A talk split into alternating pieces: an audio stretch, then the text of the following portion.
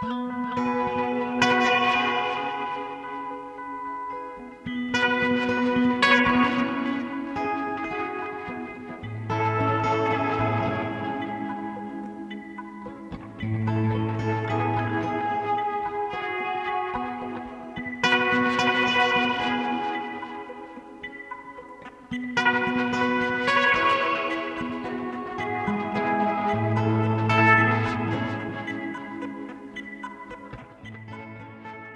sæl, kæru lustendur, Guðni Tómasson og Halla Harðardóttir heils ykkur úr hljóðstofi Víðsjár, þriðdægin 7. mars. Við verðum á kafi í bókmyndum í dag. Byrjum á Ískri bók sem tilnæmt var til búkervelununa í fyrra og sem var að koma út á íslensku. Og höldum svo hingað heim, reyndar með þeirri aðferð að ringja til munn henni í Þýskalandi. Smámunir sem þessir eftir írska reytöfundin Claire Keegan kom út í íslenskri þýðingu Helgu Sofju Einarstóttur í síðustu viku. Þetta er fjörða bók höfundarins sem er margvelunuð fyrir verksín. Bókin gerist á Írlandi nýjunda áratugarins og segir frá kólakaupmanni í smábæn okkurum þar sem að lífið snýst um fjölskylduna, vinnuna, kirkjuna og kannski barinn. Söghetjan lifir frekar reglubundnu lífi þar til að hann fær óvænt insýn í það sem er raunverulega að gerast á bakvið luktardyr klaustursins. Sagan snertir á myrkum blett í sögu Írlands, sögu magdalenu þvottahúsana og þeirra 30.000 kvenna sem þar voru læstar inni. Meira en það hér á eftir. Og svo sláum við á þráðin og heyrum í einari Guðmundsinni, reytuhundi, sem hefur stundað reytstörf sín í um halva öld, mestanpart í München í Þýskalandi, þar sem hann hefur verið búsettur áratugum saman. Sem ungum aður hjekk einar mikið á mokkakaffi við skólaverðstík en hann dreymti jafnframt um að komast út í hins stóra heim. Einar var á sínum tíma í slagtói við Zoom-hópin goðsagnakenda en vildi frekar skrifa bækur en að búa til myndlist. Ný bók er komin út í 300 tölusöttum eintökum sem að bókaútgáfan Ars Longa gefur út. Hún er með heimilisfesti austur á Djúbavogi og starfar í nánu samstarfi við Ars Longa samtíma listasafnið. Það er tilruna kentur andi yfir þessari bók eina sem að heitir Þrenna en inniheldur eins og nafn gefur til kynna í raun þrjár bækur. Áróks Brænur, Hulda Ráðgátan heitir einn Ranimosk heitir önnur og súþriðja litlu sögurnar í halva samhenginu. Við ringjum til munn hérna í þætti dagsins og ræðum við Einar Guðmundsson. En við byrjum á nóvelu frá Írlandi.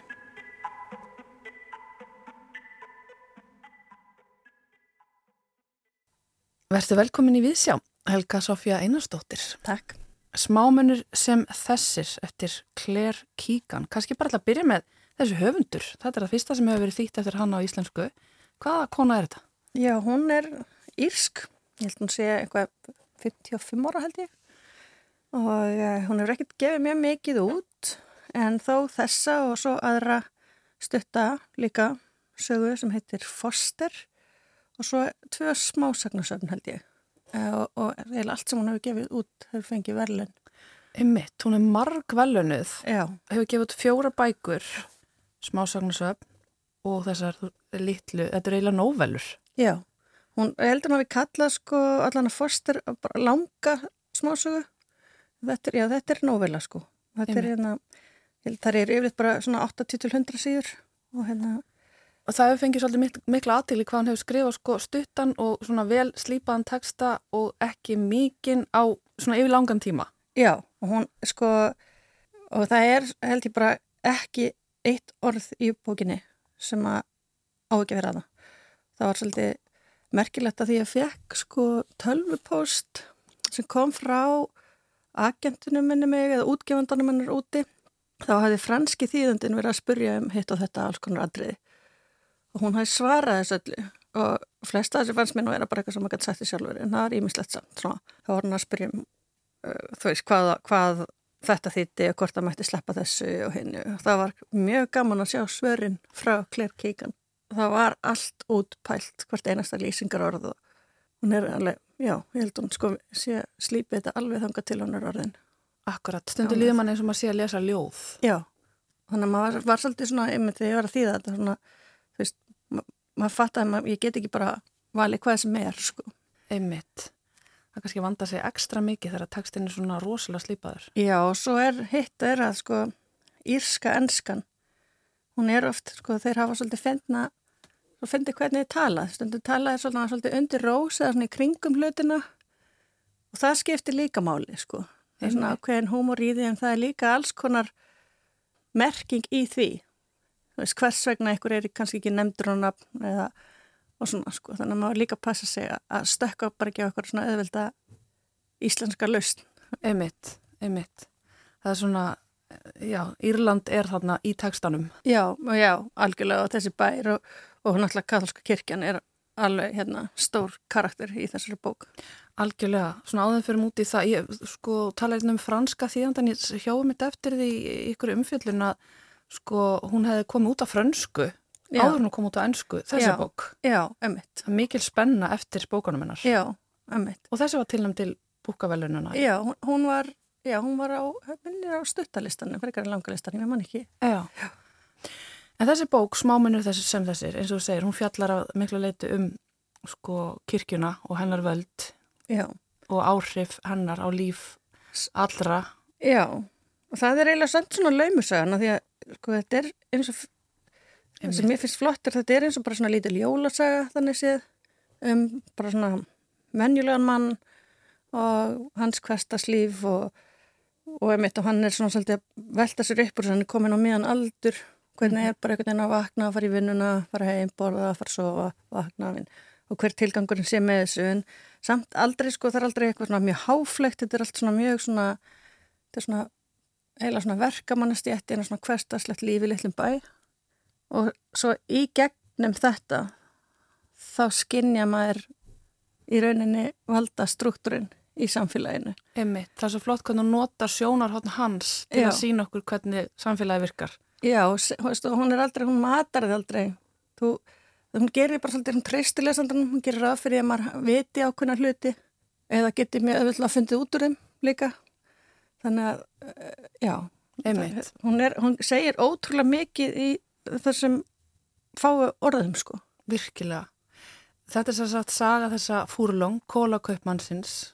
Hann á þannig konu í þessum litla bæ og fimm dætur. Já, Líf hans hverfist bara alveg um það að sjá fyrir þeim. já, einmitt, það er svona, þú talar um hann sé á miðjum aldri, hann greinlega í ykkur svona smá eh, mið, miðaldarkrísu. hann er svolítið svona stendur að er að horfa tilbaka, hann á líka svolítið sérstakar sögu, hann er ekki alveg kannski eins og allir í bænum vegna þess að hann er alin upp af einstari móður og hjá, sagt, það er þarna kona sem er uh, mótmælandatrúar sem tekur þau inn. Og þetta er annars katholsku bær. Og það er eitthvað sem að, maður finnur bara, já, svolítið bara sjálfsagt en hann er alltaf í átt að sjá því að það er kannski ekkert sjálfsagt. Og kannski þá fyrir hann líka aðeins að horfa á hitt líka veist, og þessi hluti sem við kannski vitum af, gerum ekkert í sættum okkur bara við hann er alltaf í svona farin að setja ykkur spurningamörki þar við Einmitt. og svona rugga bátna samt mjög laust sko og það kemur allt svolítið fram í samtölum og Mm já, þetta er ótrúlega vel gert finnst mér. Virkilega. Eins og þú segir, þetta er eiginlega jólasaga. Mér leiðins ég var að lesa svona bara næstu í dikkans. Þetta er svona nákvæmlega. klassísk jólasaga Já, með akkurat. fallegum bóðskap. Já, já, En hérna, hann lendir eiginlega í því, þarna rétt fyrir jól, að verða vitni að frekar umulegu atveki. já, hann sem sagt veist fyrst og veist á klustrinu og veist að það er þarna fallnar stúlkur sem sagt þarna frá og, og það eru svona alls konar sögur sem ganga en það, ekki, veist, það er engin að að skipta sér að því þú þetta gerist alltaf bak við klusturveikina -hmm. Þetta klaustur sem að svona vofir yfir bænum. Já, svo kemur hann þarna einhvern tíman á óvandum tíma með kólasendingu og finnur stúlku sem er búið að læsa inn í kólagemslunni í mjög slæmu ástandi og þetta fer, hérna, hann hjálpar henni inn og það er tekið þarna á mótinni og hún fer að borða og þetta er eitthvað, virkar allt svona, geti allt virka eðlilegt en hann veit að það er eitthvað, eitthvað hérna, ekki eitthvað eins og það á að vera. Hann svona finnur það á sér og það er eins og Já. allt í sögunni, það er svona ekki sagt en samt sagt. Já, og það er svona, já, og þetta bara byrja svona eins að íþingjónum og það sem, kannski, það sem er líka svolítið merkjöld í sögu því þú ert með hennan kall hafa en svo er, er þetta rosa mikið annars konur í þessari sögu.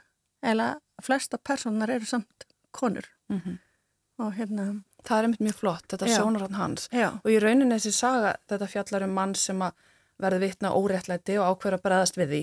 Og það er kannski svona aðalsagan og, og í rauninni kannski bara ástarsaga. Já, saga af bara hvaða er að elska og vera elskaður en, en samt auðvitað er þetta saga þessara 30.000 kvenna sem að lendu í þessu magdalenu þvóttásu. Já. Kanski þá segjar okkar hans frá því. Já, þetta er eiginlega ótrúlega, ótrúlega saga og kemur, hérna, ég, þetta var að gerast alveg þangar til 1996 sem er eiginlega ótrúlegt að hérna konur oft, þá, þetta byrjaði sem þetta ótt að vera sko konur sem að ári uh, vændiskonur eða, eða konur sem hefðu átt batnutan hjónabands að þau var komið fyrir í þessum klaustrum og lotnar vinna bara baki brotni í þóttahúsum fyrir kirkina og svo vatti þetta bara upp á sig með tímanum og endanum var þetta kannski bara ef eitthvað stúlka var að falleg. Og að, þá var henni komið fyrir þarna og sumar konur vörðu allri æfinni lokaðararninni mm -hmm. Það má eiginlega bara segja þetta að hefur verið fangelsi. Já þetta er sko fangelsi þetta er eiginlega bara þrælkun. Það voru bara Þrælabúður Já það voru teknar þarna raka um hárið og stungi þarna inn og, og ef það voru sagt, uh, barsafendi þá voru oft bætni tekin og þau voru bara seld til bandaríkjana til einhverja ríkra katholika þar Þetta varð eiginlega aldrei svona stór búbót bara fyrir kirkjuna Já. að selja börn þessara og, og með kona. sko fullu fullri vitnesku uh, ríkisins og þetta er að koma í ljós bara þarna eitthvað í kringum ég man ekki hvernig þetta er það, það verður þarna að eitt, eitt klaustrið selur frá sér land og þegar þið byrjaði að grafa þar til að fara að byggja þá bara finnast sko fyllt af líkum og í ómertum gröfum og þá er farið að skoða þetta og þetta er eitthvað, bara ég held að sé bara svona rétt í kringum á aldamótinu eða eitthvað, þegar þetta fer að hérna, koma, þessi, koma í ljós sko. Einmitt. Ég sá að 1996 var síðasta þvóttásinu lokað þá hefur það verið starfandi yfir 200 ár. Já, þetta er, þetta mjög stutt síðan. Þetta er ótrúlegt, ótrúlega saga og þetta hefur, sem það og var gerð mynd sem hétt Magdalena Söstunar sem vakti smá aðtegli fyrir nokkrum árum og svo náttúrulega þannig að fylg á mína líka um konu sem er, það var byggð á sandri sögu konu sem leita, var að mynda að leita sinni sínum sem var tekin af henni og hérna Já, þetta er alveg ræðileg saga og Já. eiginlega ótrúlegt að hún hafi ekki farið eitthvað miklu herra, ég, þegar ég fór að skoða þetta betur þá ætlaði bara ekki að trúa þessu Já.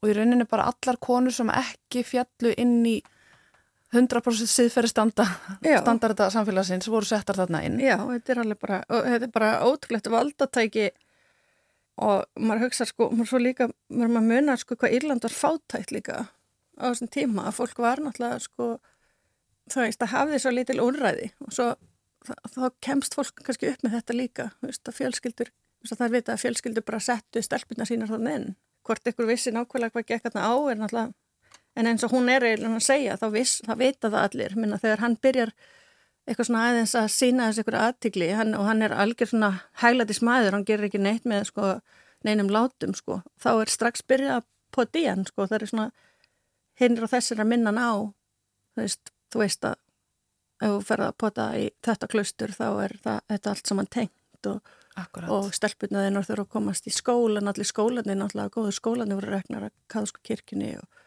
mm -hmm. og þú veist að hvaða er sko að vera hún lýsir því svo vel hvað þetta er allt í rauninni samofið já og það hvaða það er lítið út að bregða til þess að allt eins og það þarna þótt að hann sé hann er hann að sá sem sér allir fyrir kól og eldi við það má rosa lítið út að bregða til þess að þau einhvern veginn bara missi mm. allan, allan sína stöðu og kannski bara maður finnur mjög stert fyrir því hvað líf þeirra virðist bara og afkoma virðist hanga á bláþræði já, og allra og það er það svolítið þetta, þú ert með þetta uh, rosalega valdanna fyrir ofan mm -hmm. þig sem að sem að svo kannski, já, hún, hún notar náttúrulega þetta, notar þessar þessar, þessar, þessar stúlkur sem að eiga ekkert og hafa ekkert bakland og hafa ekki neitt mm -hmm. til þess að reyni sína hversu svakalegt vald þetta er sko. en hún, viðst, hún náttúrulega hún sýnir bara, hún, er, hún segir aldrei og það er það sem er svolítið flott við þetta, sko. þú veginn, þú fær, finnur þetta bara.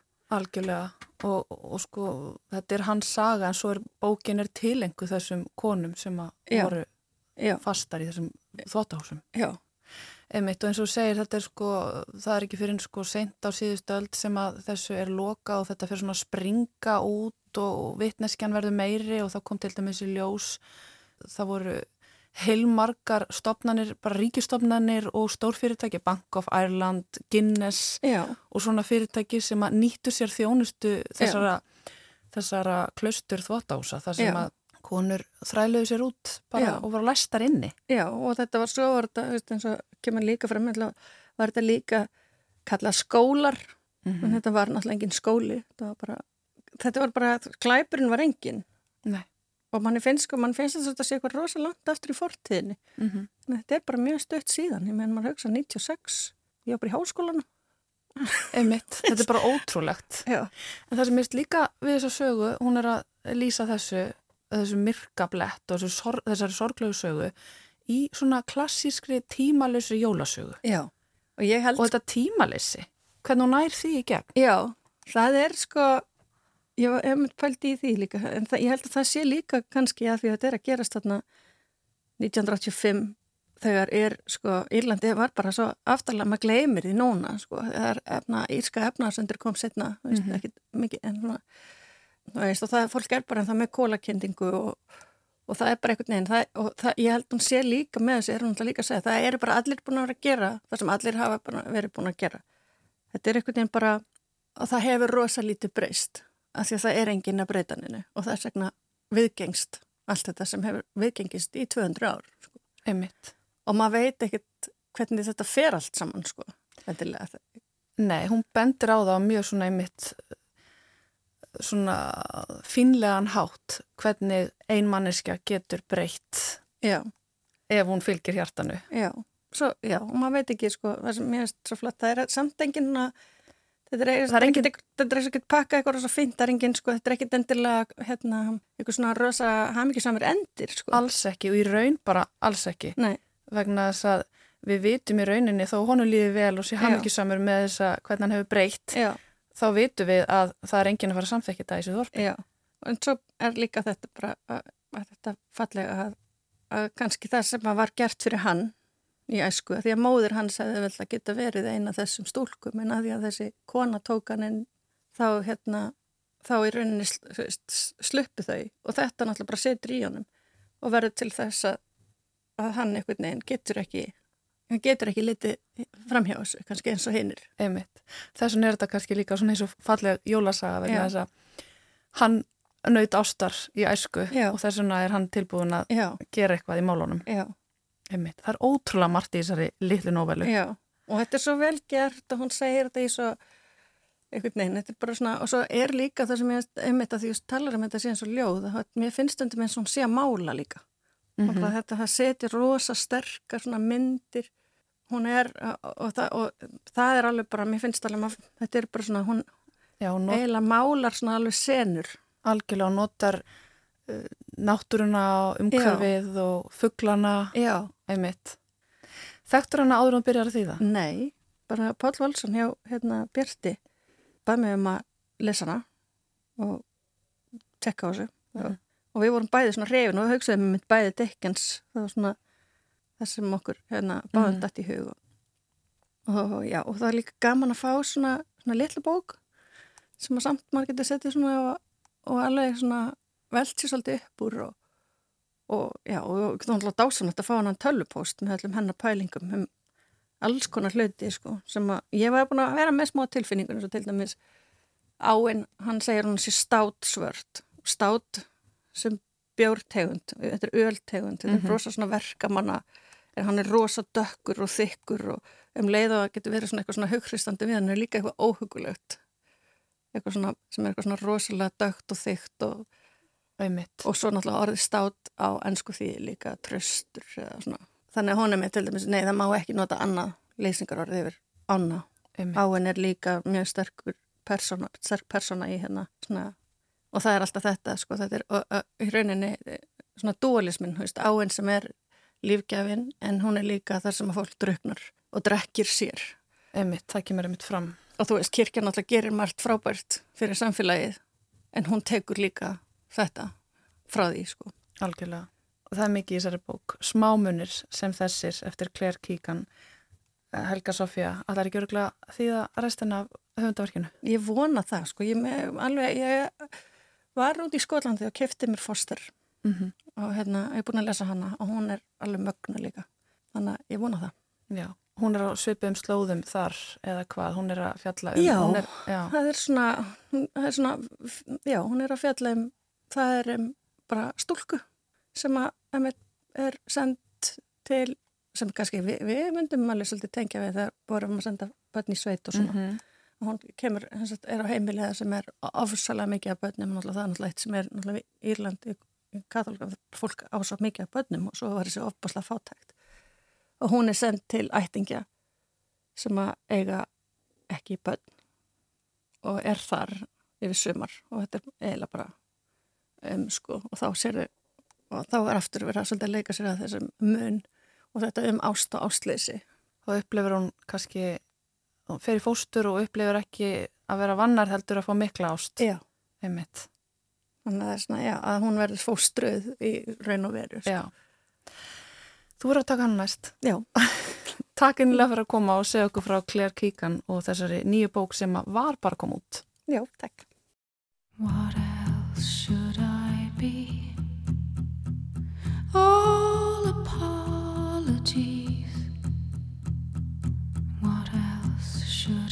Say? Everyone is gay. What else could I write? I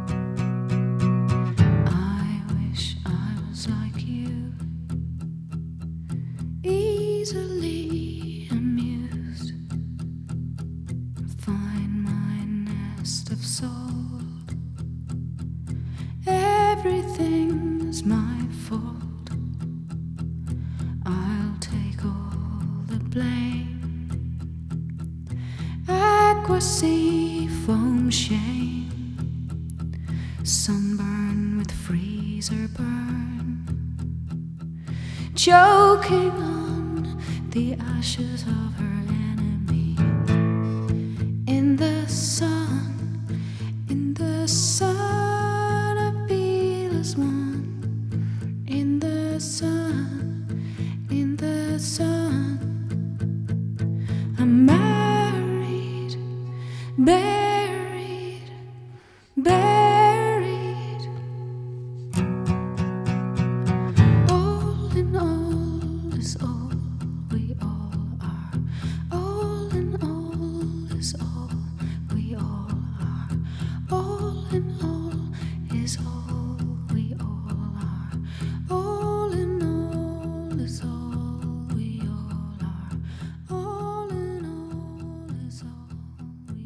Þetta var að sjálfsögðu írska söngkonan Sinead O'Connor sem að flutti hér heið markfræga lag amerísku rocksveitarinnar eða grönnsveitarinnar Nirvana og Apologies. O'Connor gaf þessa ábreyðu út árið 1994 á plötunni Universal Mother, fallegur flutningur.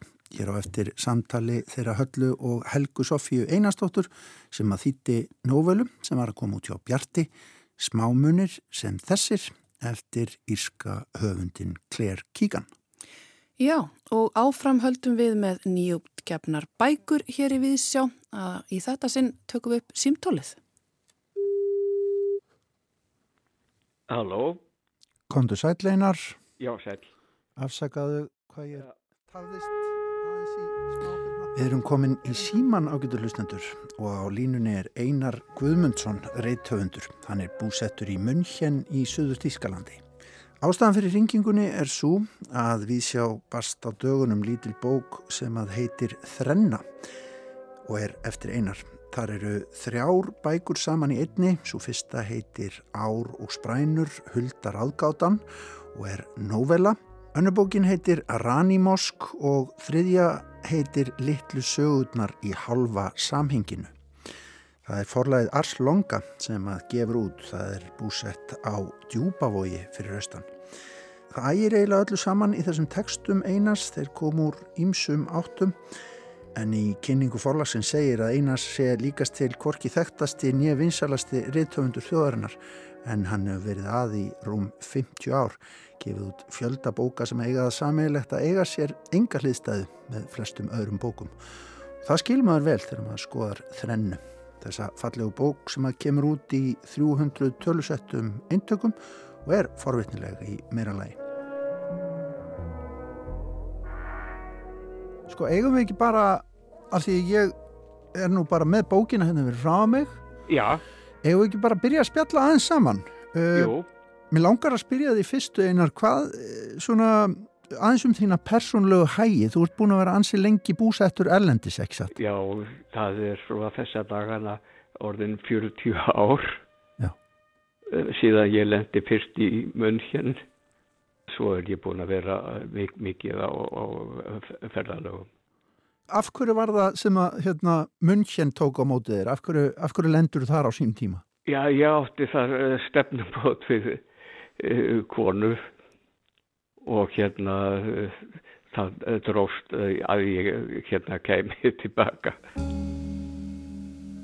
Það var einu sinni íslensk rotta sem held því fram með lagatæknilegum rökum að hún væri alls ekki rotta.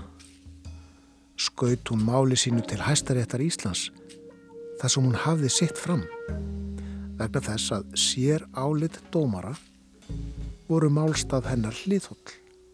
Sönnabyrði væri náttúrunar. Hjælt hún svo áfram að vera rotta án þess að dotta.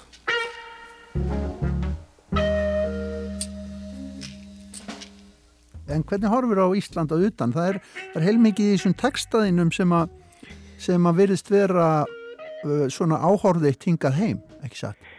Já, heimþrá er, er ekki, ekki málið en ég hefi eh, þetta netsamband við eh, fjölviðlaðna og hérna, er með stöðust með frétti frá Íslandi. Já. En áttu skildmenni hér? Á Íslandi? Já. Ég á skildmenni, það er að segja foraldrar eru látnir, já, það fækkar náttúrulega líka í sískina liði. Einmitt. En ég hef ekki mikið samband við hérna ættingin nema hvað að, að sýsti mín Selma kemur hér af, af og til í heimsókn.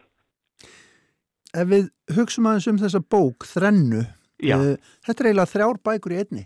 Þetta eru þrjár bækur sem uh, stemtir saman. Það var ekki upphafilega ætlunin en, en það varða að lókum.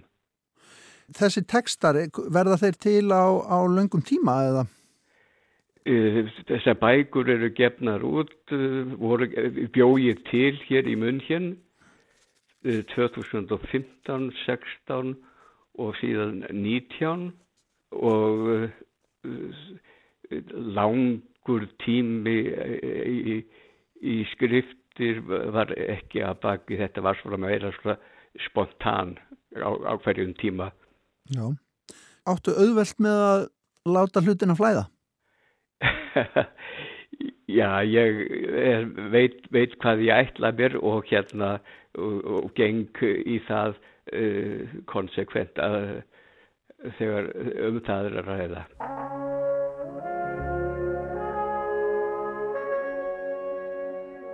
Faði minn lést í nótt, skrifaði ég í dagbók mína morgunin sem mér barst fregnin þar um.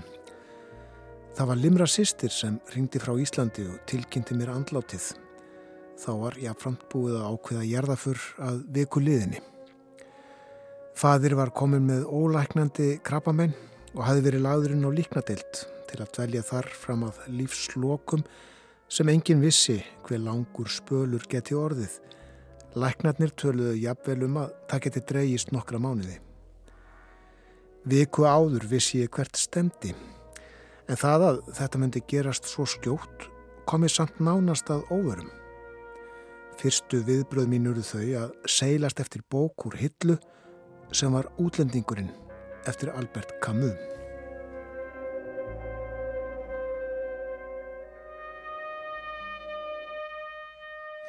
Fyrsta bókin sem tekur á mótimanni þarna, hún heitir Ár og Sprænur, Já, Hulda Ráðgátan, þetta er novella.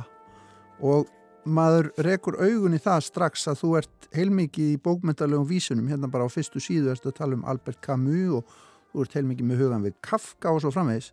Camus er náttúrulega eh, er, er skrifaði útlendingin og eh, í formi þá er þessi novella eins og eh, í upphafi er eitthvað sem minnir á útlendingin en að öðru leiti er það, er, hefur ekki með útlendingin að gera í sjálfum sér.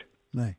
En þetta er heilmikið sjálfsæfisögulegt og þannig ertu mikið á ferðalögum. Þú segir frá einstakalöndum sem þú hefur komið til í gegnum tíðina og, og alls konar já, vinnáttu og tengslum sem að hafa kviknað á, á ferðalögum þínum. Þetta er ekki hérna ferða, ferðasögu þættir í, í, í, í raun og veru heldur er ég að geta þess uh, að ég var þarna á, á sínum tíma í stað þess að þetta uh, fjalli algjörlega í glemisku. Hefur þú ferðast viða í gegnum tíðina? Ég hef verið á stöðugu ferðalægi á tímanbili. Upphaflega lengi búsettur í Hollandi og þar þurfti ég að yfirgefa landið reglulega og þannig var ég sífælt á ferð um, uh, til München mm.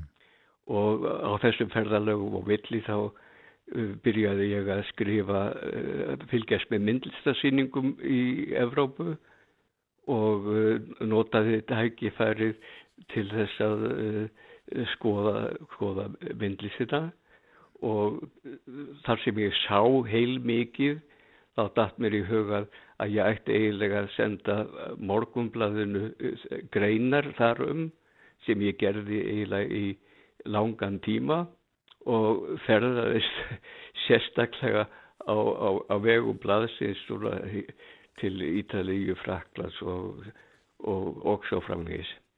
Hvað hafa ferðalögin kentir svona í gegnum tíðina um bara, já, mannlegt eðli kannski? Já, þetta, þetta, ég notaði tækifæri á þessum ferðalögum sem ég þurfti að vera á til þess að uh, skoða, skoða mig um í heiminum til að byrja með sérstaklega í Þískalandi. En svo áður segir, eru alls konar tekstar í þessum þremur sögum sem að mynda þrennu bók upp á einar rúmar 400 síður. Stundum eru þetta minningabrót, stundum eiginlega ferðasögur. Þannig eru lýsingar á lífinu í Reykjavík fyrir 40-50 árum eða svo. Sumi tekstana eru meiri segja á þýsku og þannig eru líka íslenskar þjóðsögur sem að talast á við bioprógrum eins og einar segir mér frá. Já, í einni bókinni eru kvikmyndaprógram. Það voru gefin út kvikmyndaprógram í uh, gamla daga á Íslandi. Og ég átti bunga í fórumínum uh, af prógramum frá uh, Tjarnabíói og svo Trípoli-bíói. Og það, ég er að, ég byrja reyndar upp úr sex ára aldrei að að stunda uh, Tjarnabíó og uh, Trípolabíó á sunnudugum klukkan þrjú voru barnasýningar og svo framvegis og þessi prógram eru eiginlega uh, uh, sína myndir sem ég hefi allar, næstum því allar sjálfur séð Já. og þessi hérna, prógram eru uh, til mótægis við íslensku ævintýrin sem uh, gefin voru út á, í Þískalandi á sínum tíma mm. þar sem uh, alls konar hóldómsögur og sifjabjörnsögur eru er áberandi og þessi samanburður eiginlega engla, engla músík voru prógramin svo að segja gagvart svoranum frá miðöldum Mokka fylltist snemma af eintómum rappabörum sem voru listamenn sem sátu þar daglánt í stað þess að sinna listsköpuninni en röppuðu bara. Það var mikið rætt um að drífa sig af landibrott en seti var samt sem fastast og ekki fóru allir í syklingu. Lengi var mokka eini staðurinn þar sem fámátti cappuccino í Reykjavík. Áður hafi verið hægt að drekka espresso á samnemdu kaffihúsi í uppsalakjallaranum skáhalt á móti hjálpraðishernum en það átti aldeilis eftir að tilhera liðinu tíðinni. Um nokkur ára skeið meðan ég var að leggja draugin að fyrstu bókunum vandi ég nokkur meginn daglega komu mínar á mokka í setnipartin. Þar var hægt að hitta mannskap sem ella var hverki annar staðar á ferli. Það sem ekki voru knæpur á nokkru strái fór að bera á því að áfengi var í haft við hönd á mokka og því lætt út í kaffið. Það var samt bannað að drekka undir borðum en einstökum mönnum var það liðið og augum að mistakosti lokað fangu til oflangt var gengið.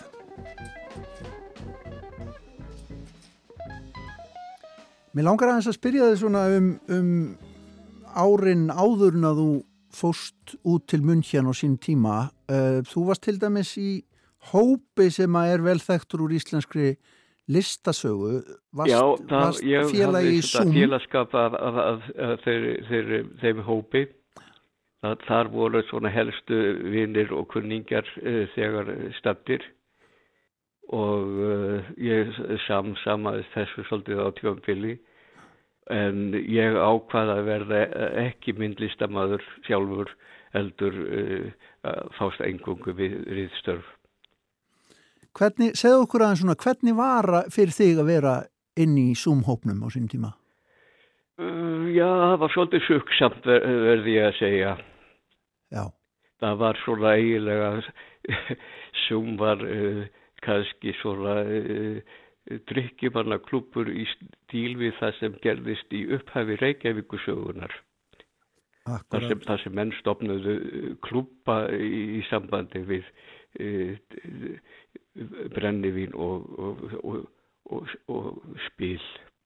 En var mikið verið að ræða listina? Listin var alltaf hérna aðal umtalsefnið menn, menn voru með listina og heilanum.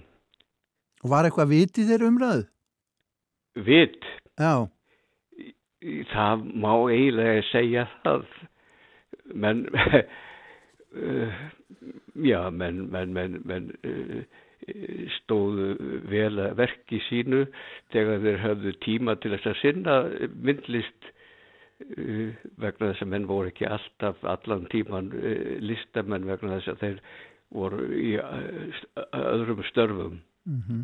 Tókstu mikinn þátt í þessu verandi sem að þú ákveður en að gerast ekki myndlistamæður en ert samt svona utan í þessum hópi eh, svona bara hvernig hérna, hvað kendið það þér að, að, að vera í slagtói við sumarana? Já, fyrst og fremst þá, þá voru þetta allt saman hérna miklir kunningar Þannig að það var ekkit vandamál að, að umgangast uh, uh, sumara og hérna þetta var eiginlega uh, mun skemmtilegri félagskapur heldur en bóði var upp á já hvað það voru það, það var bara mokka sem var þá í gangi. Mm -hmm. Þetta var svona heldur einsleitt samfélag sem að þú ferð úr á svonum tíma. Já, það var svolítið uh, lítið um að vera og á þessum tíma þá uh, þurftu allir uh, listamenn að, að bregða sér til útlanda. Emið þegar þess að það var svo lítið, lítið um að vera. Kanski er þessi saga skrifuð vegna hennar gömlu sjónamiða til þess að ná settu marki í lífinu þarf þolgæði og festu. Sá sem ekki býri við þessu tvennu getur ekki borið þá úr bítum er hann kann að hafa insett sér. Hann getur þá sagt, ef ég verð ekki drepinn, þá neðist ég til að lifa. Hugsanir mínar streymdu sundu lausar fram út úr heilabúinu og fram í fingurgómana sem linnulöst slá réttvélar liklana. Og elsku litlu hugsanir mínar, þannig farið þið að skil ykkur á skipulegan hátt á kvíta pappisörkina. Mér langar svo að taka ykkur, hugsanir mínar, og faðm ykkur og kissa. Ég hugsaði um einhverja guðrúnu. Ég hugsaði um einhverja jóhönnu sem var langt, langt í burtu í bláma fjarlæðarinnar. Ó, þú blámi fjarlæðarinnar, hugsaði ég, alltaf ég, ég, ég. En það sem merkilegt var við Zoom var uh, það að, að, að það kom upp síningar aðstöðu sem hérna átt eftir að uh, nýta svolítið upp á sig í, á, á Íslandi. Emitt og skipti miklu máli. Penni gúm. Á meðan ég mann, misminni mig ekki.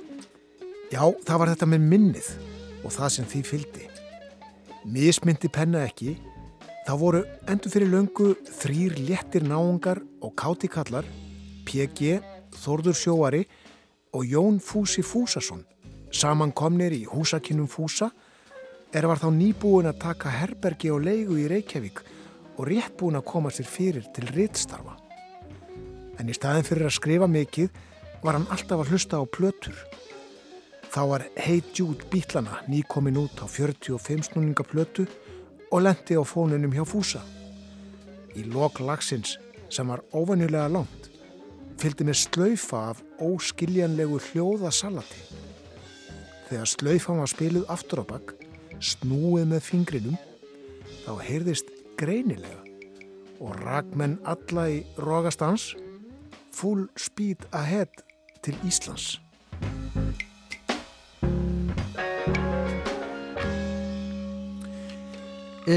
Einar á tímabili í þessum textum þá, þá talar við um sjálfaðið sem pennagúm.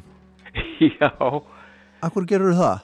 Það kom til eiginlega í þessum textagerð að, að, að Penny Lane eftir Paul McCartney kom upp á Já. og var eiginlega svona þess valdandi að ég sló þessu saman.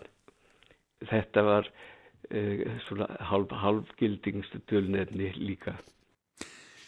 Þetta er nú ekki beinar æfisögur uh, þótt eitt af mig svo En ég hef við, einmitt, alltaf stuðst við eitthvað sem, sem, sem tengist mínu lífi en án þess að, að gera mikið sérstaklega úr, úr því. Ertu alltaf að skrifa núna? Ertu enn, enn, enn að í skrifum? Já, ég hérna, er alltaf með eitthvað í takinu en ég tala aldrei um það fyrirfram. Nei, en hugmyndirnar eru nægar eða hvað? Já, hugmyndir eru næjar en uh, það er aftur á móti svona erfiðar að, að koma þessu frá sér. Já. Vinnan, það er heilmikið vinna þó að maður fái góða hugmynd. Já, já. Nei, ég, ég, er, ég er búin að fá alla mínar hugmyndir. Ég, ég, þarf ekki að, að finna upp á neinu nýju. Það liggur allt saman á borðinu. Ég segi, ég tala aldrei um mínar bækur sérstaklega Þannig að ég vil ekki gefa neinn komment, gefa, gefa yfirlýsingar um, um hvað þær eru. Það, það er tala ílega fyrir sjálfa sig, textanir uh, segja, segja söguna. Emit. Takk kærlega fyrir spjallið hennar. Já, já takk að þið fyrir. Bless, bless. bless.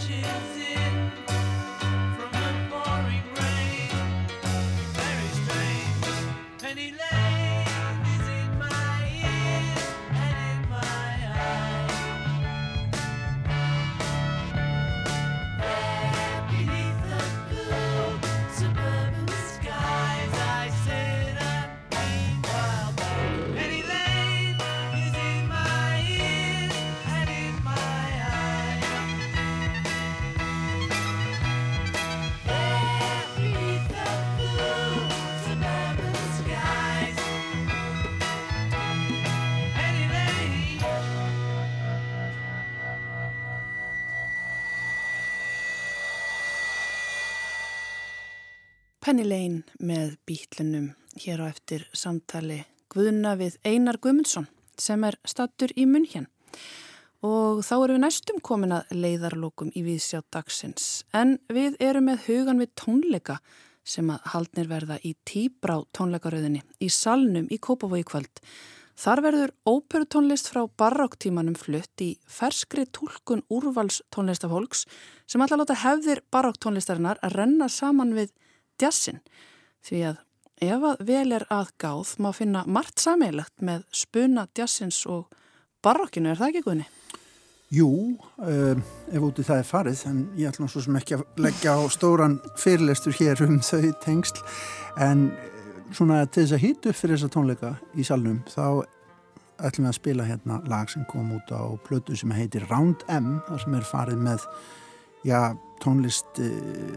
Barokktónskáldsins Monteverdi í svona jazzbúning. Og það er sönguna sem heitir Roberta Mameli sem að gaf þessa plötu út fyrir nokkrum árum. Og með henni leikur hljómsveit sem heitir La Venexiana þetta er einn af matrigölum Monteverdis hér í svona óvennlum búningi.